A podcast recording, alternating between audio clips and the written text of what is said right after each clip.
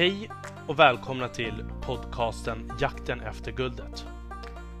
Denna podcast får ni följa mig, Armond Faltin, i min resa att hitta nya drivna vänner i jakten efter guldet.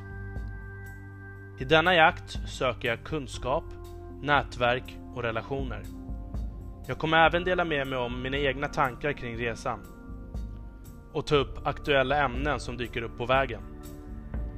Häng med! Ingenting är omöjligt. Hej allihopa och välkomna till ännu ett avsnitt av Jakten efter guldet. I år så infaller tigens år. Mitt år och ert år i det kinesiska nyåret som fall in igår den första februari. Alla ni som följer mig vet att jag är lite Asienfantast. Jag älskar liksom asiatisk kultur och sådär. Så att eh, jag tänkte att det här avsnittet ska handla lite grann om kinesiska nyåret och alla dess härliga kulturella aspekter som jag tycker att vi skulle kunna anamma lite mer här i, i Sverige också.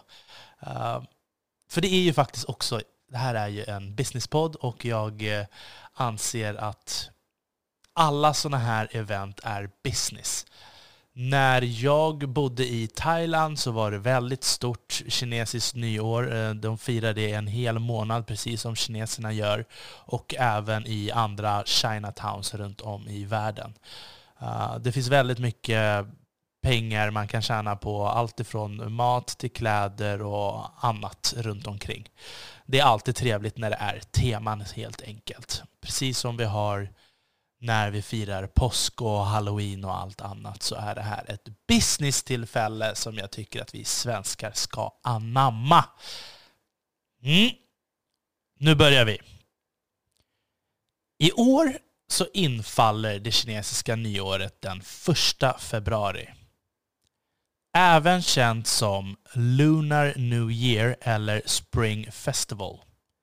Och det här är en otroligt viktig högtid i Kina. Knuten till den kinesiska månkalendern är högtiden en tid att fira och festa tillsammans med att hedra hushåll och himmelska gudar och förfäder. Inskrivna orakelben med astronomiska uppgifter tyder på att kalendern fanns så himla tidigt som på 1300-talet före Kristus. Eftersom månnyåret beror på att månen ändras så ändras datumet för det kinesiska nyåret varje år. Men det kommer alltid att infalla mellan den 21 januari och 20 februari. Även om det finns många historier berättar en rolig legend historien om hur, kineser, hur kineserna började hålla reda på tidens gång genom att döpa åren efter olika djur. Inom det kinesiska stjärntecknet finns det tolv djur som har samlats för ett lopp på landsbygden. Var och ett av djuren har egenskaper som är både positiva och negativa som hjälpte dem vidare i loppet. Djuren som kom genom mållinjen i denna ordning var råttan nummer ett, oxe nummer två, tiger nummer tre, kanin, drake, orm, häst, get, apa, tupp, hund och gris. 2022 är vattentigens år. Tigern är känd som kungen av alla bästar i Kina och är förknippad med tapperhet, självförtroende och styrka. Men de är också kända för att vara viljestarka, påstridiga och envisa. Tigens år är 1938, 1950, 1962, 1974, 1986, 1998, 2010 och 2022. Stjärntecket tiger är en symbol för styrka, mod och de exiterar ondska. Många kinesiska barn bär hattar eller skor med en tigerbild på för tur. Tillsammans med firande familj och vänner så innehåller det kinesiska nyåret traditioner, vidskepelse och mat. För kulturell sed kommer företag att stänga ner för dagen och fokusera på hem och familj. Det anses viktigt att ta vara på dagen och att njuta, äta gott och göra saker som du tycker om. Inför den stora dagen städas hus och företag noggrant för att bli av med det föregående året. Det är ungefär som att börja på ett rent blad. Många kinesiska familjer har altare tillgängliga till sina förfäder. Uppoffringar av mat och papperspengar erbjuds för att göra förfäderna lyckliga. Många lägger också upp tryckta rullar med lyckomeddelande på på ytterdörrar och entréer. Vuxna delar ut röda kuvert med pengar till anställda och barn. Ibland avfyras fyrverkerier under hela semestern för att markera det nya året. Men också för att avvärja onda andar. Det här sker i många provinser i Kina och utvalda Chinatowns i USA och eh, andra delar av Asien under hela månaden. Men nu kommer vi till maten. På tröskeln till det nya året samlas familjer för att en extravagant måltid inkluderar jiaozi, som även är känd för dumplings. De anses vara lyckligt lottade eftersom de liknar traditionella myntplånböcker i antiken och representerar rikedom och överflöd. Ett annat menyalternativ är Niangao, en riskaka som är klibbig och kompakt. Gjord av klibbigt rismjöl och kan vara antingen söta eller salta. Nudlar, som tros representera lång livslängd, är också en annan stapelvara som finns på middagsbordet. Vanligtvis tillagade sauterade med grönsaker, kött och skaldjur och ibland buljong. De kallas livslängdsnudlar. Det enklaste och viktigaste att servera är en hel fisk eftersom kineser tror att det betyder välstånd för det kommande året. På mandarindialekten översätts ordet för fisk löst till överskott eller extra rest. Och nu kommer vi till tio kinesiska nyårsvidskepelser.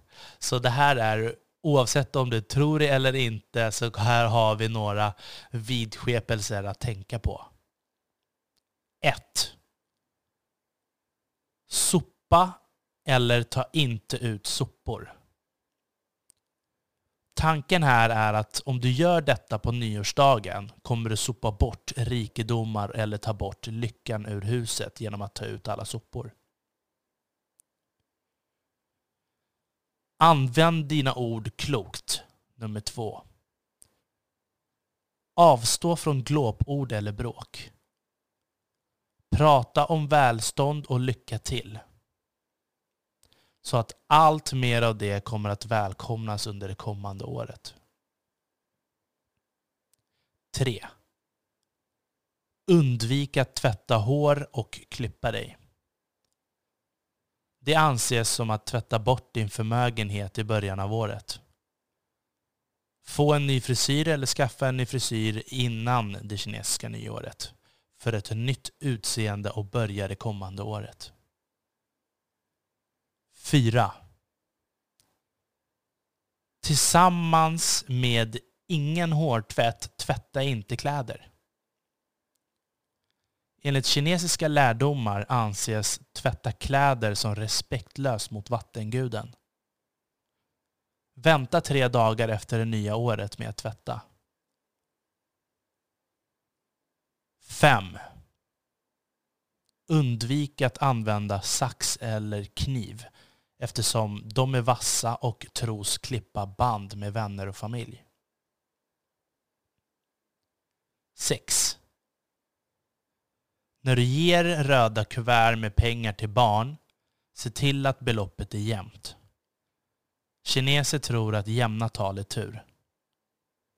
Det enda undantaget från denna regel är olyckssiffror som nummer 4 och 40. Eftersom siffran 4 låter som ordet död på kinesiska. 7.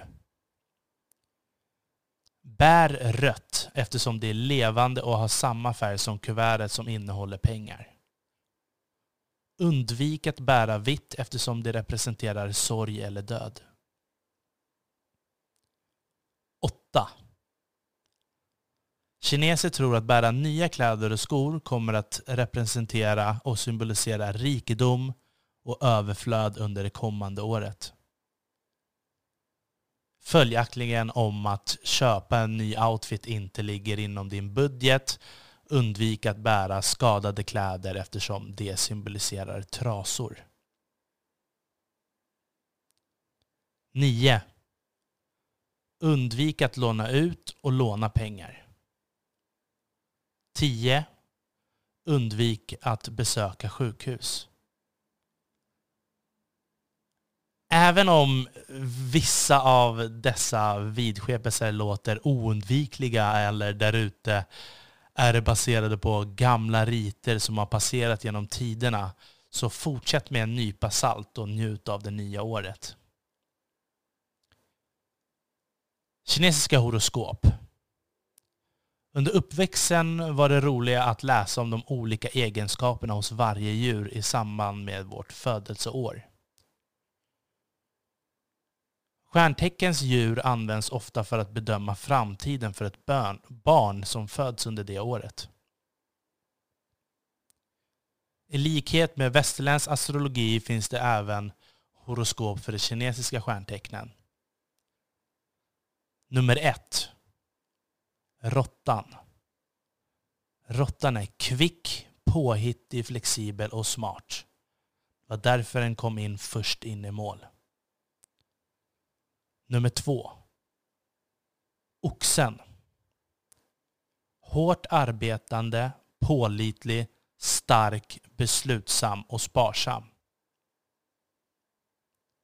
Nummer tre. Tigen. Modig, självsäker och mångsidig. Nummer fyra. Kanin. Tyst, snäll och hemtrevlig. Nummer fem. Draken. Självsäker, temperamentsfull och kraftfull. Nummer sex. Ormen. Charmig, klok och intelligent. Nummer sju. Hästen. Frihetsälskande, pigg och självständig. Nummer åtta. Geten. Den är mild, tyst och empatisk. Nummer nio. Apan. Den är kvick, skarp och naturlig. Nummer tio. Tuppen. Tuppen gillar att vara i centrum för uppmärksamhet, utåtriktad observant och talar i sinne. 11. Hunden. Lojal, flitig och äventyrlig. Och sist men inte minst, grisen. Eftertänksam, generös och lågmäld. ja, nu har vi fått eh, en liten historielektion om det nya kinesiska året. Och eh, eftersom jag är född i tigens år och det är tigens år idag så tycker jag att det är extra kul och trevligt.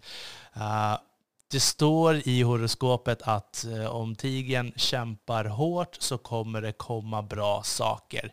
Men det är fortfarande inte årets lyckade djur. Men nu ska vi ju bevisa dem motsatsen. ja, jag tror att det här får vara allt för det här avsnittet. Innan jag avslutar så kommer jag att spela en låt som jag tycker ska peppa in det nya året. Och det här är en av mina favoritlåtar och den är tidslös. Så att uh, Mm, vi får njuta av Survivor, Eye of the Tiger. Men innan dess, glöm absolut inte att följa oss i sociala medier och följa oss i podcasterapparna. Ge oss gärna betyg, det gör all skillnad. Här kommer Eye of the Tiger.